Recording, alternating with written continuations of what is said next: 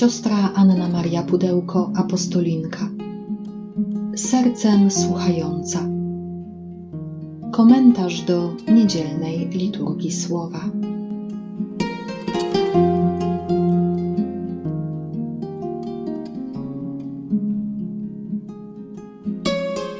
Z Ewangelii według świętego Marka. Jezus, ukazawszy się jedenastu, powiedział do nich: Idźcie na cały świat i głoście Ewangelię wszelkiemu stworzeniu.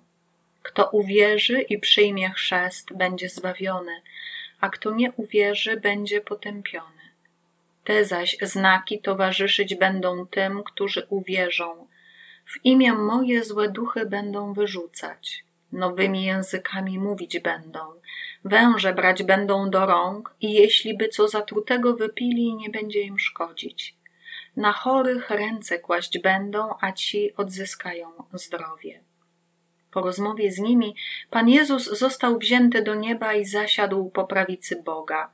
Oni zaś poszli i głosili Ewangelię wszędzie, a Pan współdziałał z nimi i potwierdzał naukę znakami, które jej towarzyszyły.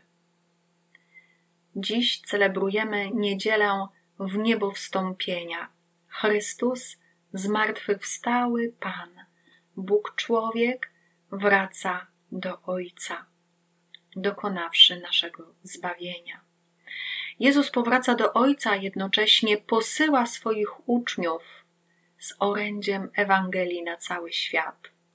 To posłanie dotyczy nie tylko apostołów, to posłanie dotyczy każdego ochrzczonego, każdego wierzącego. Więc dzisiaj słowa Chrystusa, które słyszymy w czasie liturgii, dotyczą także Ciebie i mnie. Idźcie na cały świat i głoście Ewangelię wszelkiemu stworzeniu. Jezus pragnie, abyśmy stawali się świadkami wiary, świadkami nadziei i świadkami miłości dla każdego człowieka, którego spotykamy na drodze naszego życia abyśmy nie wybierali sobie osób, z którymi chcemy się dzielić i którymi nie chcemy mówić o Chrystusie. Uczniowie przyjęli to zaproszenie. Ewangelista Marek mówi nam: Oni zaś poszli i głosili Ewangelię wszędzie, a Pan współdziałał z nimi i potwierdzał naukę znakami, które jej towarzyszyły.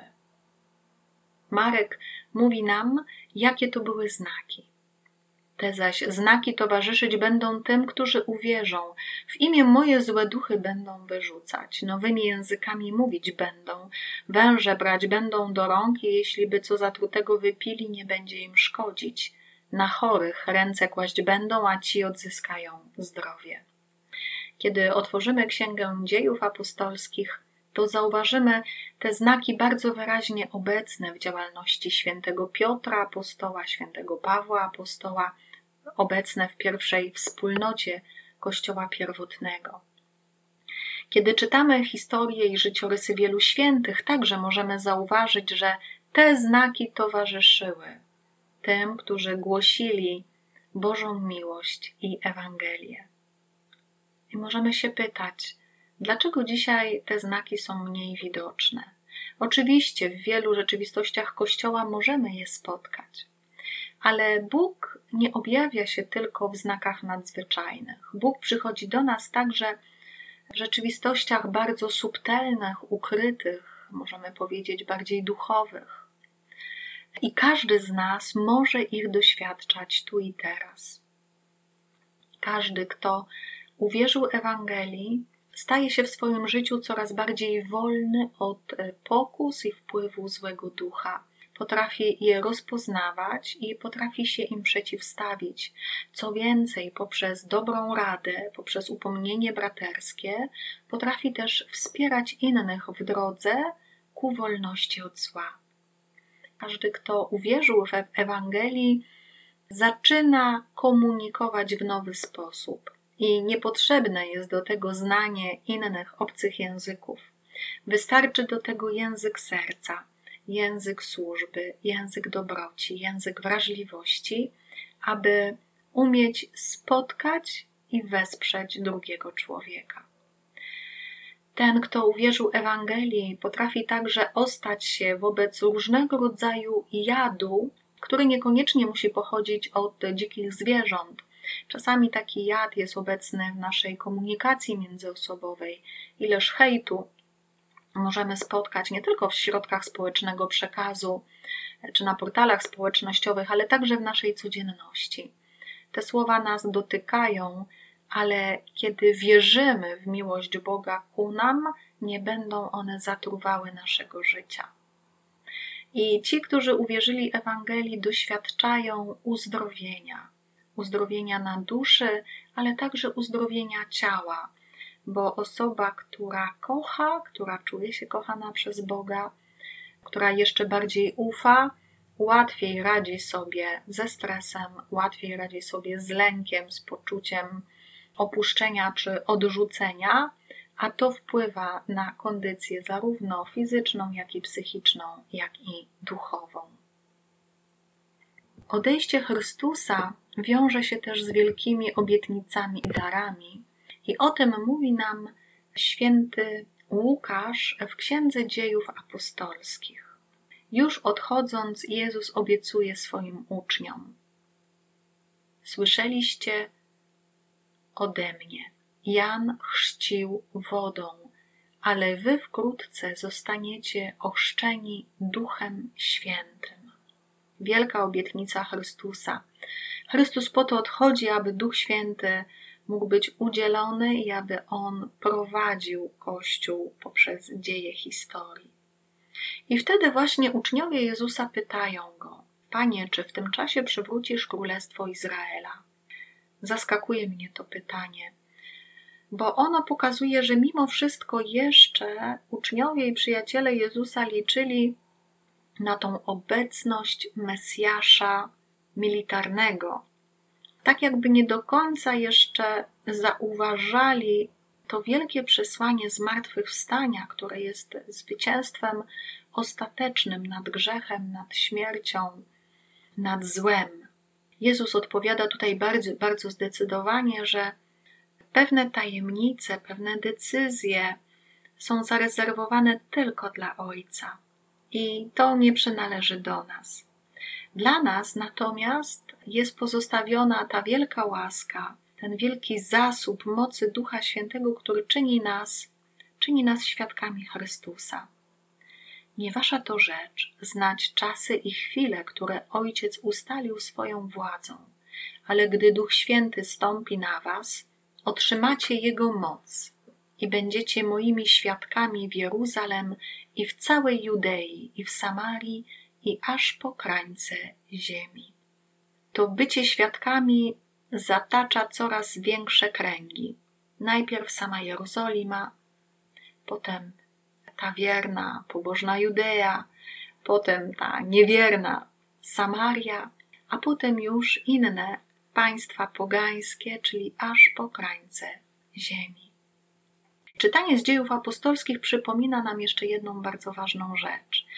Mówią o niej aniołowie, którzy już po w niebo wstąpieniu Chrystusa zwracają się do apostołów. Mężowie Galilei, dlaczego stoicie i wpatrujecie się w niebo? Ten Jezus wzięty od was do nieba przyjdzie tak samo, jak widzieliście go wstępującego do nieba. My od czasów w niebo wstąpienia Chrystusa żyjemy w czasach ostatecznych, czyli oczekujemy na Jego powtórne przyjście w chwale. Ten czas się wydłuża i apostołowie nazywają ten czas czasem Bożego miłosierdzia, czasem cierpliwości, tak aby każdy człowiek miał szansę na nawrócenie, na spotkanie się z dobrą nowiną o, o zbawieniu. Odpowiedzią na dar Bożego Słowa jest Psalm 47, w którym psalmista uwielbia Boga wstępującego do swojej chwały. Wszystkie narody klaskajcie w dłonie, radosnym głosem wykrzykujcie Bogu, bo Pan najwyższy i straszliwy jest wielkim królem nad całą ziemią. Bóg wstępuje wśród radosnych okrzyków. Pan wstępuje przy dźwięku trąby. Śpiewajcie psalmy Bogu, śpiewajcie, śpiewajcie królowi naszemu. Śpiewajcie, gdyż Bóg jest królem całej ziemi. Hymn zaśpiewajcie. Bóg króluje nad narodami. Bóg zasiada na swym świętym tronie. Patrząc na tą ogromną radość, wdzięczność, entuzjazm psalmisty, z jakim uwielbia on Boga, możemy się zapytać, jaką pieśń dzisiaj chcę i pragnę zaśpiewać mojemu Bogu. Czy to będzie pieśń uwielbienia, czy będzie to hymn dziękczynienia, czy może będzie to pieśń lamentacji, bo przechodzimy jakiś trudny moment, czy będzie to pieśń błagalna, gdy prosimy Boga o przebaczenie i o odnowienie naszego życia. Niechaj to będzie głęboka pieśń naszego serca, autentyczna. Im bardziej będzie prawdziwa, tym większą chwałę odda naszemu Panu, Zbawcy i Stwórcy. Jeszcze jeden wielki dar, który wiąże się z tajemnicą w niebo Chrystusa, odnajdujemy w drugim czytaniu.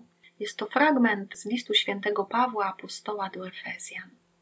W nim Paweł pokazuje nam, że Chrystus odszedł do Ojca, ale tutaj na ziemi pozostaje w tajemnicy Kościoła.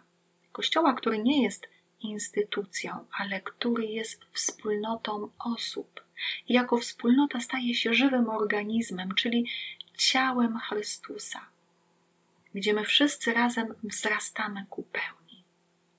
Przyjmijmy i my to zaproszenie apostoła Pawła do stawania się coraz bardziej sobą, do stawania się coraz bardziej świętym, coraz bardziej podobnym do Chrystusa.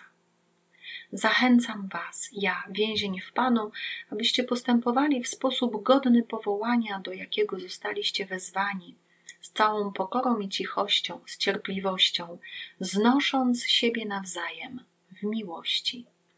Usiłujcie zachować jedność ducha dzięki więzi, jaką jest pokój. Każdemu zaś z nas została dana łaska według miary daru Chrystusowego. On też ustanowił jednych apostołami, innych prorokami, innych ewangelistami, innych pasterzami i nauczycielami, aby przysposobili świętych do wykonywania posługi dla budowania ciała Chrystusowego aż dojdziemy wszyscy razem do jedności wiary i pełnego poznania Syna Bożego, do człowieka doskonałego, do miary wielkości, według pełni Chrystusa. Warto się dziś siebie samych zapytać, e, jakie jest moje miejsce, jaka jest moja rola w tej żywej wspólnocie Kościoła. Czy odnajduję siebie pomiędzy apostołami, czy pomiędzy prorokami? Pomiędzy ewangelistami, pasterzami czy nauczycielami, a może przynależę do grona świętych, czyli tych, którzy chcą żyć pełnią łaski Bożej, którzy chcą żyć tą świętością, którą Bóg wlewa w nas każdego dnia. A chodzi o to, abyśmy wszyscy razem wzrastali do pełnego poznania Syna Bożego, na ile znam Jezusa i na ile innym pomagam go poznawać.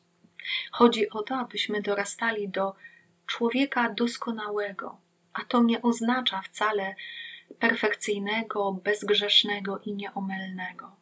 Człowiek doskonały według Ewangelii to jest człowiek, który dąży do pełni Chrystusa. To jest człowiek, który żyje pełnią, obfitością, obdarowaniem i tak bardzo się czuje obdarowany, i tak bardzo jest świadomy tego, ile Bóg mu dał i daje, że nie może tego zatrzymać dla siebie, że chce to hojnie rozdawać, że chce się tym dzielić.